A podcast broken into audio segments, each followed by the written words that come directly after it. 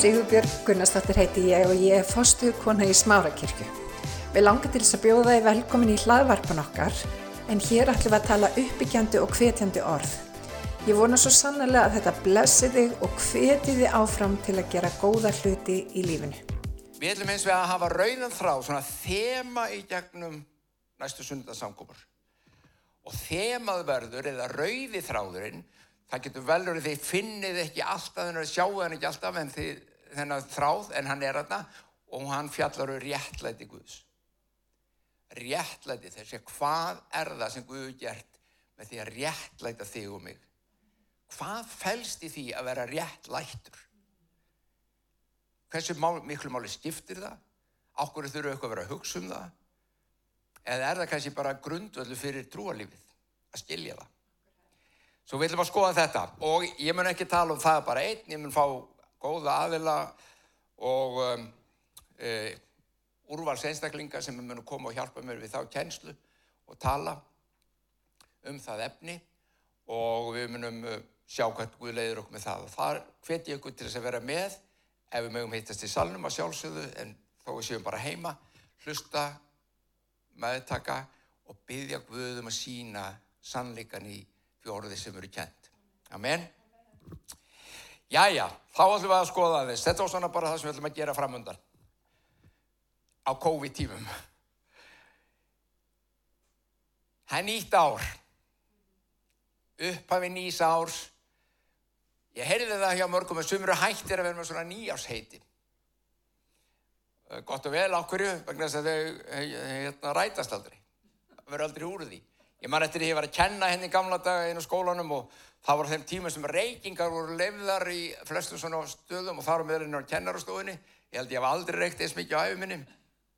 Hef þó aldrei reykt. En það var bara mökkur, kaffi og, og síkareturreykur sko. Svakalegt. Ég man eftir einu, einu vetrunum að, að hérna, svona í mars, ég held að vera í mars, búin að kenna frá hausti og sko þá þá fann ég svona kaffilikt af húðin á mér. Þá var ég bara svona gegnsósa, kaffi og, og, og örglega reyka því ég var alltaf andaðið að mér en, en þó ég aldrei hafi reykt sjálfur. Þannig að þetta var ekki holdt og ekki gott. En ég man eftir ég að, að einn kennarin stendur upp einu sinni í hérna, hvað, ég held að það hafi ekki verið rétt undir vor minni mig og segir, herru, ég hætti að reykja. Og, og fólki sagði, ah, já, ég mitt. Hún var búin að segja þetta hverju einasta janúarbyrjun frá því að þau myndi eftir. Það var alltaf nýjáseitinn og nú er ég hægt að reykja. Nei, alveg krakkar, nú er ég hægt að reykja. Já, okkurju. Af því það er eitt stór munur af því sem að ég hef gert undanfæran ára og svo núna. Og það er það að núna vildi ég hætta að reykja. Fram að þessu vissi ég bara að það var gott fyrir mig að hætta að reykja en ég vildi það ekki. En nú vildi ég. Og ég bara hætt. Það er svolítið svoleiðis með nýjársveitin. Og, veitir þið hvað? Við gefum okkur svona heit eða tölum um svona betri líf alltaf í byrjun januar. Líkásræktin fyllist. Ég man að, að daginn á komur líkásrækta frömuðnir og sögðist að það ágjör svolítið að því að því að það var alltaf svo mikið að gera í januar, hvort að COVID myndi stoppa það eitthvað yfirleitt þurfa ekki að hafa áhugir að því fólk skráa sér inn sko í ás, á, áskrift og mæti svo þrísvar eða eitthvað svo leiðis en uh, þetta er mjög aktúilt til fólki að lifa betra lífi bæta lífsitt taka helsin í gegn, taka mataræðið í gegn uh, og núna hef ég tekið eftir í undanvartan daga og mér, mér finnst það ekki leiðilegt, mér finnst það gaman um, og ég kem að því á eftir hef ég tekið eftir því að það eru auknar áherslur á að taka andlega lífið sitt í gegn. Ég hef séð kynningar, auglýsingar, viðtöl, greinar og uh, um það að það, það, fólk er hvart til þess að bara horfast í auðvitað, við erum andlegar verur og við þurfum að hugað and okkar, hlúað ánum og rækta okkar innri mann. Þetta, og nú er alls konar solis námskeið að fara í gang, svo andlega ræktuna námskeið Þau, og það er út um allt, ekkert bara hér á landi, út um allt. Og það sem við hins vegar verum vöru við eru mjög fáir sem tala um þessa andlugu vegferð í tengslu við trú eða Guð. Um, sem sagt við viðkjörnum verum andlega verur en Guð er ekkert inn í myndinni annarkort vegna þess að trú ekkert á Guð eða þau eru feimin að tala um Guð eða þau segja þetta er óhátrú. Ég man eftir einu sinni fyrir mörgum ára þegar einhverjum íhugun kom fyrst til Íslands svona indvesk uh, afbreyði af íhugunar kerfi og það var tint og auglist þannig að þetta hefði ekkert með trú að gera ekkert með Guð að gera skipti engum álu hvort þú triðir að triðir ekki. Það veri ekkert slíkt í þessu kerfi. Þetta veri bara innri maðurinn ræktun og þeir sem að ef að 10% af samfélagi bæjarsamfélagi eða einhverju þjóð myndu byrja þess að einhverju íhugun þá myndu slísum fækka og, og hérna glæpum fækka og svo framvegs ég man að ég ætla ára ekki að segja ykkur þetta því að bara kemur í hugminn ég man einhvern tíman á kjölfarið ég man ekki hvað lungu setna þá kom fréttum að nú væri 10% um, hérna suðuna sem manna farnar í huga. Þeir er alltaf verið aðeins undan okkur í rockinu og poppinu og þessi þeir eru menningu allir trúbort og hljómar og allir þeir gæjar sem þar komu. Og uh, þeir voru líka undan okkur í þessu. En það fjölgaði slíðsum það fjölgaði öllu öru í bænum Þannig að það var eitthvað bóið við þetta kenningu en ég sagði hins vegar ég ætla að fara á þetta námskið. Ég byrði námskið. Ég ætla að fara á þetta námskið og ég ætla að vera eins lengi svo ég get áns að þurfa að taka upp undir einhverja andlega trúarlega hluti. Ef þetta er ekkert trúarlegt, ok, þá er það bara svo leiðis. Svo ég fer. Þetta byrjar vel og þetta er svona tækni og íhuguna tækni og allt er leið með það og svo er komin ég man ekki hvaða kvöld þetta var þetta var nokkur sinnum nokkur kvöld, held ég 15 skipti 12 eða 15 skipti. Og ég er komin 7-8, ég man ekki hvernig var og þá var, þá var sagt við okkur heyrðu þið skulle hérna, næst þið komið þá skulle koma með hreinan kvítan vasaklút og, og hérna og ávöxtir þeim ekki vera síturusávöxtir þeim ekki vera beskir að vera sætir ávöxtir og ég er svo aðsnig og hvað er, hvað er gert við þetta? Já, við ætlum að koma og taka þetta og við leggjum þetta fyrir fram að mynda af Maharishi Yoga. Og ha, saði ég. Hvað, hvað er það að gera? Já, við tökum þetta og svo komum við og leggjum þetta fram fyrir myndir af Maharishi Yoga. Þetta er trúabröð, saði ég. Þetta er ekki íhugunartækni engungu, þetta er trúabröð. Við erum að tilbyðið með að gera þetta, við erum að sín, nei, nei, nei, nei, nei, nei, nei, jú, það er svo leiðsaði ég, því miður þið, þið hafi skrökuð að mér svo ég verði að fara. Ég fór. Og 90% öllum líka, því að þeir eru búin að láta skröka sér. Íhugun til forna, ef hún er frá austrunu, hvort sem er austrunu eða vestrunu, hún er náttúrulega meira frá austrunu sem hún var til, hún tengist trú. Hún tengist guði og leitinni af sannleikanum, leitinni af lífinu, hennu andlega lífi. Við tökum þetta hinn um vestrana heimi mörgver og við, svona, við reynsum þetta svona. Út með Guð, út með trú og reynum að stilja eitthvað eftir sem er svona bara tækni til þess að lifa betra lífi. Og viti menn, það virkar. Það hjálpar til að róa. Svo ég er ekki hér til að rýfa það niður. En vandamála sem ég hef og það sem ég langar að benda á og langar að spurja. Hvernig stendur á því að við sem kristin kirkja erum búin að tapa þeirri stöðu að geta sagt besta andlega ræktunin er í kirkjunni. Af hverju er fólk ekki þar? Af hverju hleypur það í allt annað og leitar? Af hverju kemur það ekki þar sem að uppsprettan er og segir, heyrðu, hérna er andlegt líf, hérna byggist ég upp, hérna nærist ég, hérna fæ ég frið og hamingjur og allt sér að leita. Af hverju höfum við tapað þessu? Við þurfum að spyrja okkur alvarlega að þessu. Hverju fólk byggt frekar eða hefur meiri trú á því að það sé að finna annar staðar heldur en í kirkju Krist og Krist. Hvað erum við búin að vera að segja fólki? Hvað erum við búin að vera að leggja áherslu á? vísur um sem er sem tala um aðra, aðri mátt og alvitunduna og svona slíkt. Og um, það er sáraðið þráðið sem þið finnir endar í trúabröðunum. En okkur höfum við tapað þessu?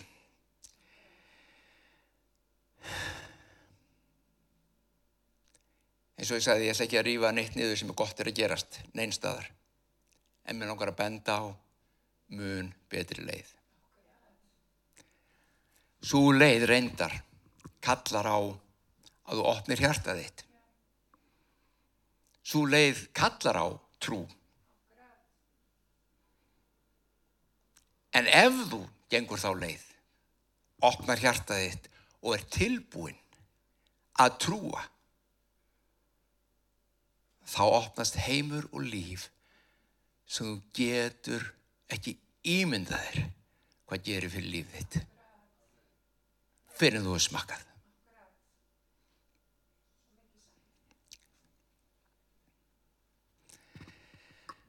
Erum við ekki öll að sækjast eftir friði? Er það ekki tilgangur þess að ferðalags, andlega ferðalagsins?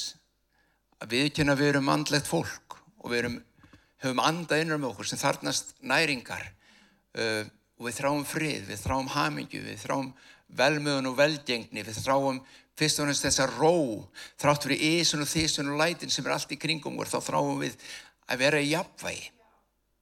Við kvöllum þetta ymsunöfnum, jafnvægi, ró, frið, núvitund, við kvöllum þetta. Veist, þetta er alls konar heiti yfir þetta. En uppspretta þess alls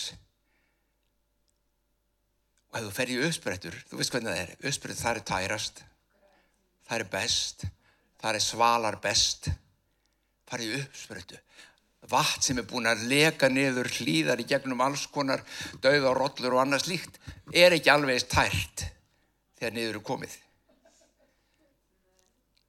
En í uppsprettinni, sem er kemur upp tært og gott, þar er það. Og þar er uppsprettan. Ef að líta þess á bara örstuðt hvað biblían kennur okkur um þessa luti, mér langar fyrst að nefna hérna spátuma.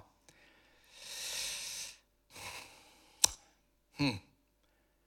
Hlustum hans á þetta, 40, 40, 40. annar kaplið 1-6. Sjá þjón minn sem ég leiði mér við hönd, minn útvalda sem ég hef þóknun á. Ég legg anda minn yfir hann, hann mun bóða þjóðunum rétt. Stoppum aðeins. Þannig er Guð að tala og hann er að, Jésús, eh, Jésaja kemur með spátum og hann mæli fyrir mun Guðs, semst að Guðlegu manda og hann segir, þetta er mun útvaldi sem ég hef þóknun á, ég mun leggja anda minn yfir hann. Hann er að tala um Jésu. Hann er að spá fyrir um fæðingu frelsarans. Svo segir, versið 2, Hann kallar ekki og hefur ekki háreisti og lætur ekki heyra rössin á strætunum. Hann er ekki með háa á læti. Það fer ekki mikið fyrir honum í hvað það var þar. Þó hafi farið ymslegt fyrir honum á annan hátt um það hvað hann talaði og hvað hann sagði, hvað hann gerði. En hann var ekki með háreisti. Brákaðan reyrin brítur hann ekki sundur og dabran hörkveikst lökkur hann ekki. Hann bóða réttin með trúfesti. Hann dabrast eigi og gefst eigi upp uns hann fær komiðin rétti á jörðu og fjarlagar landsálfur býði eftir bóðskap hans. Fjarlagar landsálfur býði eftir bóðskap hans. Það var að tala um Jésu. Hans bóðskapur er einstakur. Lönd og þjóðir þarnast þessa bóðskapar. Og hér kannski stoppum við aðeins eða missum við margs í kirkjunni vegna þess að við tölum alltaf um það að þetta sé bara bóðskap að svo náttu að lifa ytra lífinu þínu. En bóðskapurinn sem Kristur komið var ekki bara það hvað þú hegða þér í lífinu. Hans bóðskapur var starri og miklu meir en sá. Hann gekk út á það hvernig hann ætlaði að breyta þínu andlega lífi þannig að ávöxturinn sæjist í ytra lífinu. Hann ætlaði að byrja inn í þér, ekki utan á. Við höfum hins vegar oft tekið það meira utan á. Þú ótt ekki að gera þetta, þú skalt ekki að gera þetta. Heru, þú voru að halda þetta þú voru að gera svona. Og það er, þá missum við margs. Þá missum við margs. Svo segir drotting Guð, vers 5, sá er skóp heiminin og þandi hann út, sá er breytt út jörðina með öllu því sem á henni vex. Þetta er skaparinn. Þetta er sá sem gerði allt En svo sumum myndu kalla þetta er almættið. Þetta er alvitundin, heimsvitundin, hvað þú kallar það, þetta er lifandi Guð. Þetta er ekki ópersonlegur máttur og kraftur, þetta er lifandi skapari heimins og jarðar. Sá er breytti út í örðanum öllu því sem á hennu veg, sá er andadrátt gaf, takt eftir, sá er andadrátt gaf mannfólkinu á jörðinu og lífsanda þeim er á henni ganga. Hann blés nefnilega sínu lífsanda inn í þig og inn í mig. Þess vegna, ég lá vakandi einu nóttunum daginn og ég var að hugsa um hversu stórkonsleitt lífið er, hvernig vera eru við? Hvernig verur eru við? Hvernig getum við upplifað og reynd? Þessa tilveru sem við erum að upplifa og reyna. Hvað sem magnað er þetta? Þetta er náttúrulega bara tilvílir. Nei. Ég segi bara það, þeir sem að halda, eða vilja meina að þetta sé tilvínu og það tekir nokkur hundru miljónur eða þúsund miljónur ára að þróast úr einhverju eða úr einhverju öllu heldur. Mikil er trúðín. Mikil er trúðín mun meir en mín.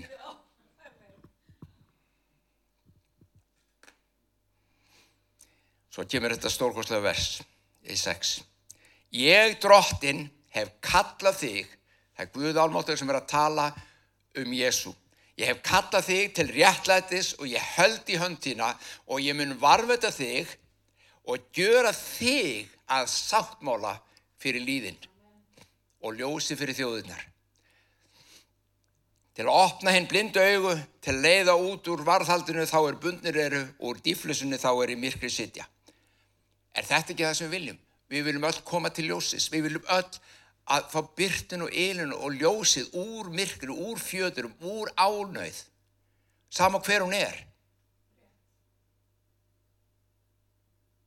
Hann segir, Guð segir, ég sendi okkur Jésu hann er ekki bara eitthvað sem ætlar að gefa ykkur eitthvað sáttmála, hann er sáttmálinn.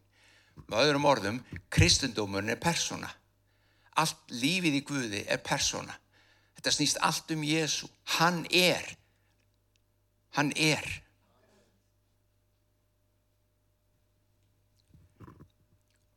Og aðeins neðar eða í öðrum kapla 49 segir á tímu náðarinn að bænheyri í þig Þannig að þetta er áframhaldand á sama spátumum faktist, eða svipuðum. Á tími náðarinn að bænhýri þig og degi hjálpræðsins hjálpræði þér. Ég varfiti þig og gjöru þig að sáttmála, kemur það aftur, fyrir líðin, til að reysa við landið, til þess að útluta erðarhlutum sem komnin eru auðun, til þess að segja hennum fjötur er gangið út og þeim sem í myrkrin eru komið fram í dagspyrtuna. Kristur, og þú segir kannski bara, þetta er rosalega merkilegt, þetta skildi að vera sagt svona löngu af henni Jésús fættus, já það er stórmerkilegt. En ég menna, hver segir að þetta hefur komið fram í Jésú? Er þetta ekki bara tilvilin? Kom enn aftur að tilvilinum,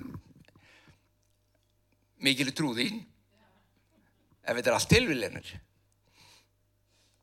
Sumi vilja meina kannski þetta sé bara eins og ekki, bara bull, þetta er bara biblían, er bara, hún er bara bull.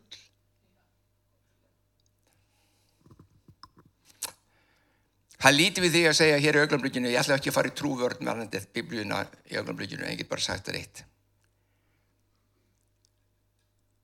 Það er enginn sem getur sagt mér að þetta sé ekki sagt.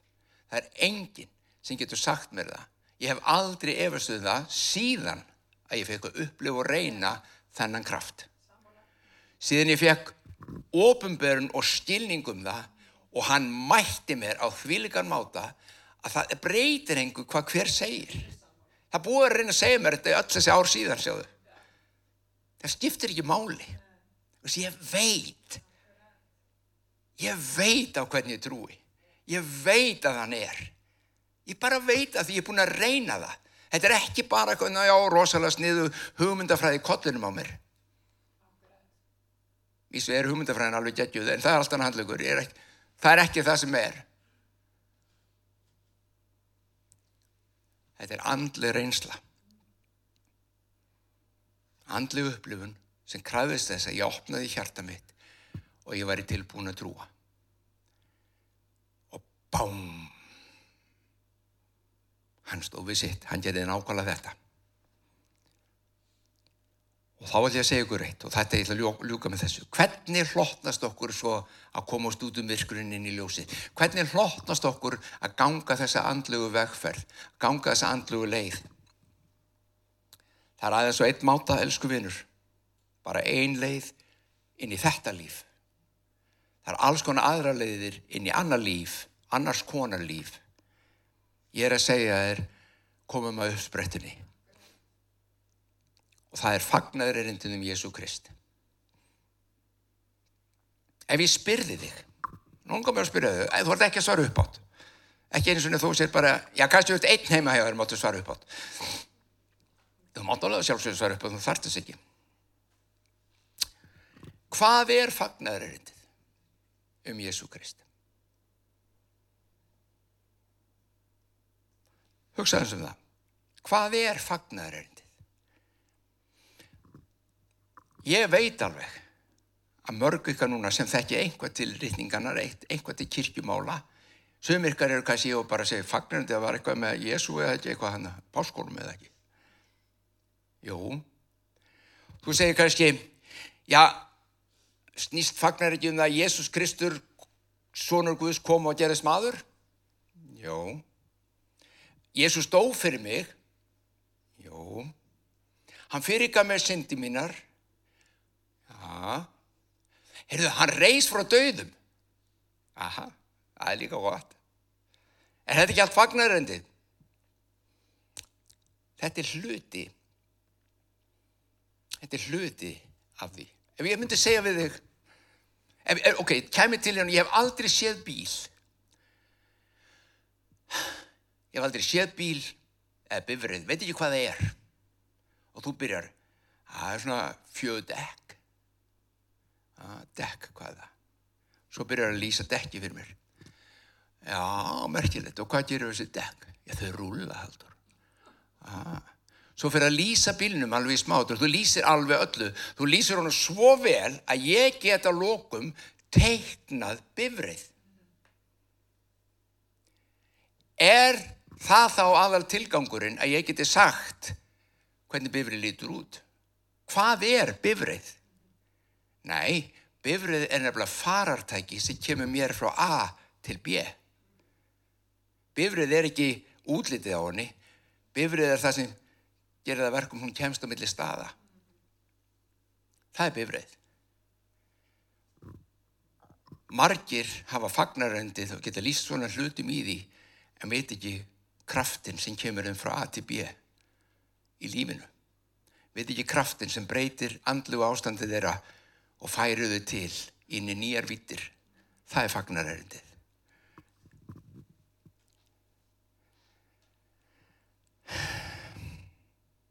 Fagnarærindi opnar er nefnilega nýjan heim andlegs lífs og gefur algjörlega nýja sín á jarneska lífið.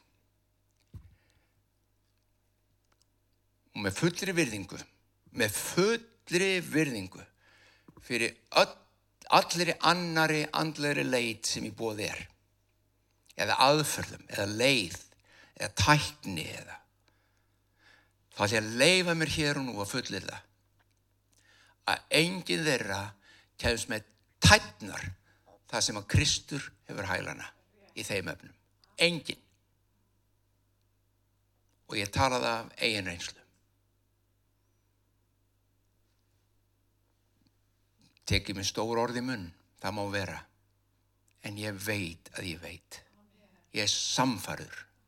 Þetta er leiðin. Og kirkjan hefur mist sjónar á því hvað við erum hér að gera. Kirkjan heldur það oft á tíðum að við séum hér til að vera áframhald eða framlegging á Jésu Kristi til þess að klára verkið hans. Nei. Við erum bara kölluð til neins. Við erum kölluð til að fara og segja fólkinu góðu fréttinir. Við áttum bara að segja hann frá.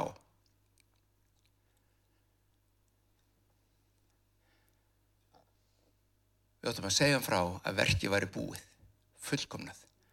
Að hann hefði klárað allt sem þurft að klára til að gera okkur þennan aðgang mögulegan.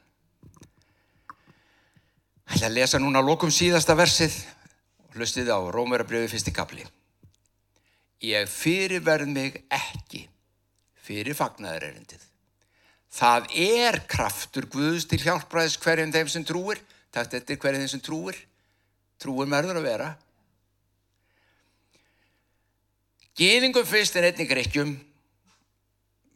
Ok, þetta þýr ekki það að gýðingarnir séu herra settir heldur um grekkjirnir og eitthvað svona og þess vegna fóingu þeir. Nei, þeir bara fagnarindi kom fyrst til þeirra. Síðan til hinna. Það er kraftu Guðs til hjálpræðis hverjum þeim sem trúir gýðingum fyrst, síðan grekkjum. Því að réttlæti Guðs ofinberast í því fyrir trú til trúar eins og reytað er hinn réttlæti með lifa fyrir trú. Réttlæti Guðs ofinberast í fagnarendinu. Í sumum erlendu þýðingu segir einfallega fagnarendið er ofinberun á réttlæti Guðs. Ertu með? Það er það sem þetta þýðir. Fagnarindu Jésu Krist, jú hann fyrirgifur, jú hann reys frá döðum, jú hann gerði allt þetta, þetta er allt hluti af pakkanum. En hvað er fagnar erindi sjálft? Það er að hann hefur réttlætt þig. Og þegar þú fær ofinbjörnar skilning á því hvaða er að vera réttlættu fram fyrir Guði, þá umbyltist líf þitt. Það gjörsamlega umbyltist og frelsi sem fylgir því er engu líkt. Friðurinn, kærleikurinn, gleðin, allur þessi pakki sem við þráum öll fylgir því þegar þú fær skilning í hjartarinn þínu. Þetta er ekki tækni. Þetta er ofinbörun.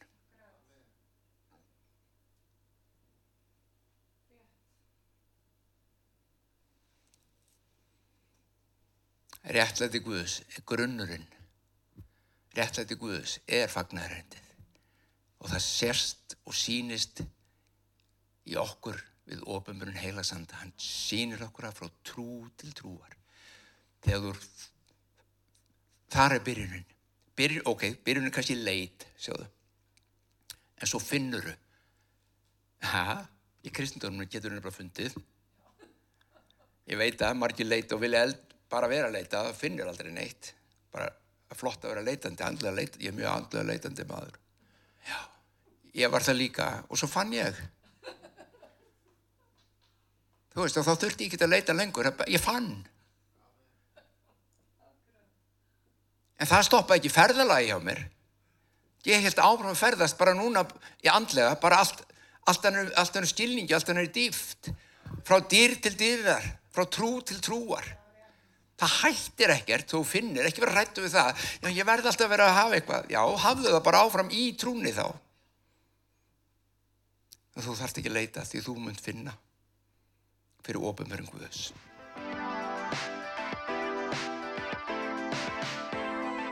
Ég hveti til þess að stilla inn á okkur með reglum hætti því að hér verður alltaf eitthvað nýtt á nálinni.